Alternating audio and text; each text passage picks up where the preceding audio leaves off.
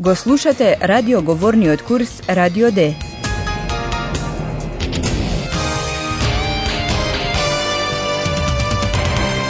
Заеднички проект на Гете институтот и Радио Дојче Веле. Авторка е Херат Мезе.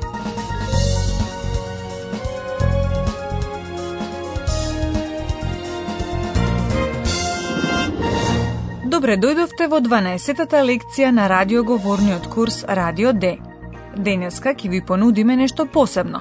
Ќе одговараме на дописи од слушателите. Поточно, нашиот професор ќе одговара.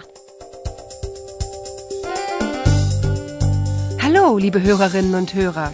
Willkommen bei Radio D. Radio D. Hörerpost. Да почнеме веднаш со првото прашање. Една слушателка би сакала повеќе да знае за формите на обраќање во германскиот. Кога се употребува ду, ти, а кога зи, вие? Да, тоа е можно интересно прашање. Тоа си го поставуваат дури некои германци. Но да посочиме прво пример. Обидете се да ги слушнете формите зи, вие или ду, ти. Was machen Sie hier? Was machst du hier? Ке ви пуштиме два извадока од сцените во кои се појавуваат овие два изрази. Може би се уште се сеќавате на тоа кој, кому, што му вели. Тогаш ќе може да предпоставите кога се користи ду, ти, а кога зи, вие. Was machen Sie denn? Тоа беше лекарот на кралот Лудвиг II. Тој се разбира особено учтиво му се обраќа на кралот. Учтивото обраќање во германскиот се изразува со зи, вие.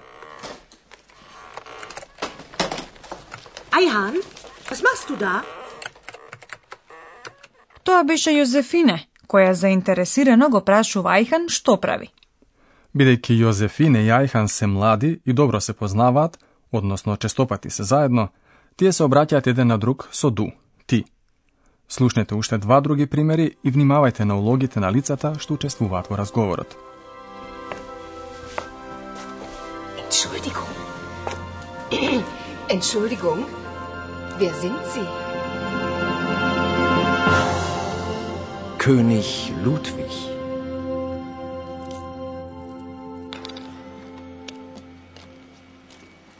Also, Philipp, das ist Eihan. Wie heißt du? Eihan? Eihan?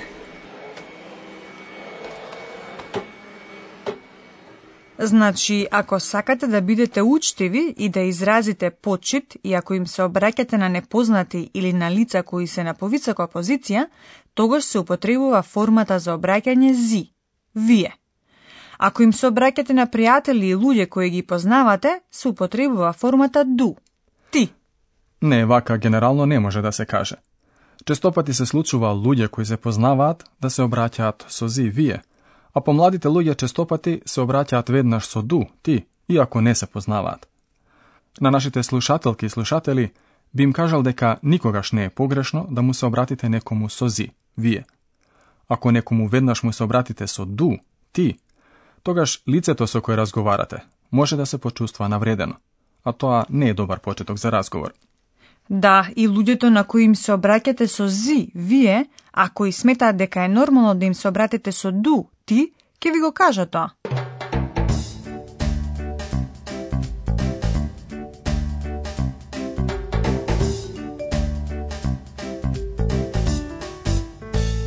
Наредното прашање на еден наш слушател се однесува на тоа како да се представите.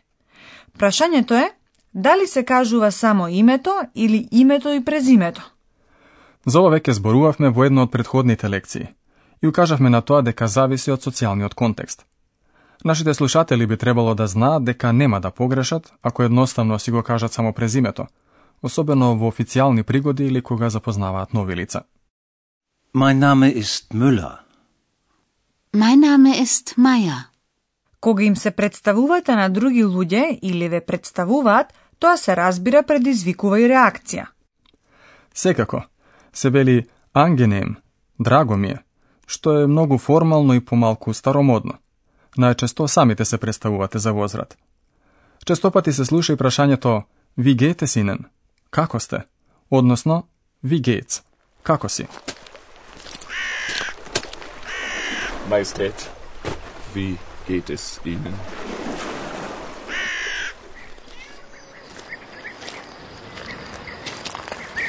Herr Kanne. Wie geht's?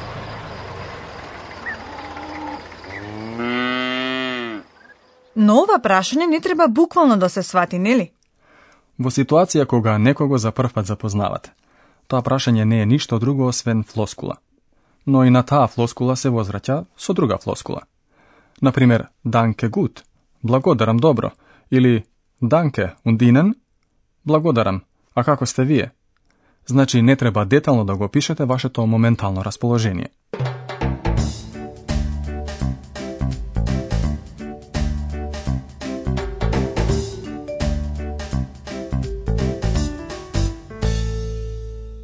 Веќе дојдовме до наредното прашање кое на вистина е тешко. Еден слушател прашува која е употребата на малиот збор ден. Тешко? Не, не би рекол. Тоа е напротив паметно прашање. Воодушевен сум. Слушателот прашува за функцијата на ден. Тоа е збор што не ја менува формата, тоа е партикула. Партикел. Но пред да дадете премногу абстрактен одговор, господине професоре, ве молам дајте им конкретен пример на слушателите. Wer bist du denn? Was machen Sie denn? Сигурно ги разбравте двете прашања. Wer bist du? Кој си ти? Was machen Sie? Што правите вие? Во зависност од тоа во кој контекст, во која ситуација се поставени овие прашања, постои различно акцентирање. На прашањето Wer bist du? Акцентот може да падне на пример на du, ако сакате да знаете кој е лицето. Wer bist du? Оваа љубопитност или вчудовиденост се засилува со партикулата ден. Така, на пример, кога Филип прв пат го слушна гласот на компу, запраша зачудено. Wer bist du denn? Ich bin Kompu. Со ден се реагира на нешто што предходно е кажано или сторено. Може да се искаже со чудење или со лутење. Слушнете уште еден пример во кој акцентот паѓа на глаголот machen, прави. Was machen Sie denn? Разбирливо е лекарот на кралот Лудвиг многу да се налути кога кралот го вовлекува во водата. Was machen Sie denn? Зборот ден, како и сите други партикули, не ја менува смислата на реченицата. Но изјавата се модифицира, тоа се засилува или се намалува. Значењето на изјавата останува исто.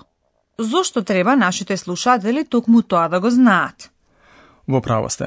Речениците се разбираат и без партикулите. Значи не мора долго да се трага по значењето.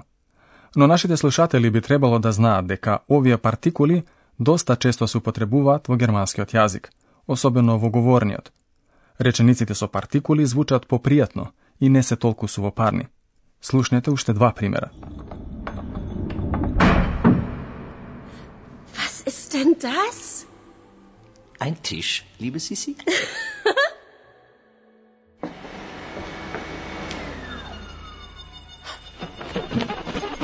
Hilfe! Wer ist das denn? Eulalia. Слушнавте ли и други партикули? Да, би сакал да укажем на партикулата дох. Со дох му се обраќате на соговорникот за да добиете потврда. Das ist doch Philipp. Соговорникот се подсетува и дека нешто би требало да знае, например дека во радио Д има утка. Wie bitte? Wer ist das denn? Eine Eule. Das siehst du doch. И токму кога нешто е разбирливо само по себе, се предпочита употребата на дох, но исто така и за да се искаже мала лутина. Hallo Eule. Du bist auch noch da?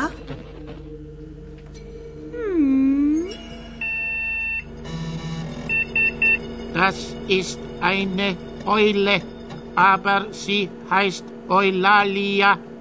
Das weißt du doch.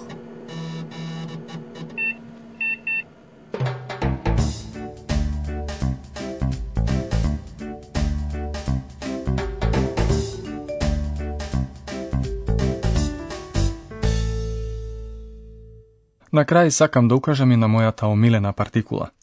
Тоа е партикулата eigentlich. Eigentlich е прилично општа партикула.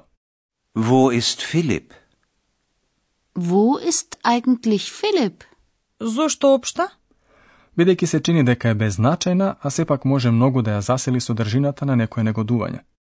Што мислите, дали Ајхан постави беззначајно прашање или во него се крие негодување, имено дека Филип не е во редакцијата? Wo ist eigentlich Philipp? In München. Nein, im Stau. Philipp ist im Stau.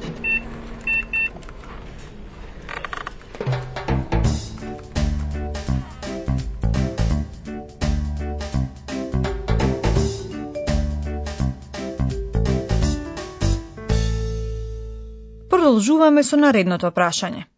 Еден слушател прашува кога се користи нихт, не, а кога нихц, ништо. Сега ќе направам исклучок и нема да почнам со пример, туку на нашите слушателки и слушатели би сакал да им дадам еден предлог. Зборовите за негација, нихт и нихц, во германскиот звучат многу слично. Поради тоа постои опасност и да се помешаат. Како да се избегне тоа? Најдобро е примерите да се учат во одреден контекст, да си ја представите ситуацијата. Во ситуација во која немате никаква представа за што станува збор, пологично е да се каже Ich verstehe nichts. Ништо не разбирам. Ich verstehe nichts. Тоа се случи со Ајхан кога Паула се врати од репортажното патување во врска со кралот Лудвиг и се лутеше за нешто што тој не можеше да го разбере. Paula, ich verstehe nichts. Ich verstehe überhaupt nichts. Du verstehst nichts? Ach, Nichts негира значи нешто општо.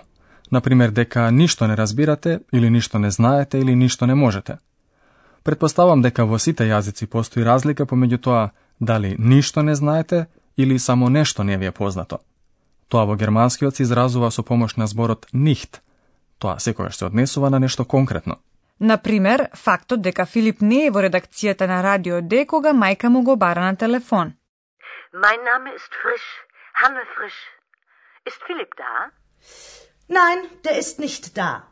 Дозволете ми да направам мала дигресија и да кажам збор 2 и за антонимот на нихц, за зборот alles, се. Du verstehst alles? Јозефине беше навистина зачудена кога забележа дека Ојлалија се разбира. Entschuldigung, du verstehst alles? Alles и нихц и во позитивниот и во негативниот случај означуваат нешто што е многу општо. Eulalia. Eulalia. Woher kommt dein Name? Ich bin klug und weise. Aber ich weiß nicht alles. За жал, нашето време за одговарање дописи од слушателите за денеска заврши. Ви благодарам, професоре. Јас им благодарам и на слушателките и на слушателите за нивните паметни прашања. Во наредната лекција Филип и Паула ќе истражуваат нов случај. liebe Hörerinnen und Hörer, bis zum nächsten Mal.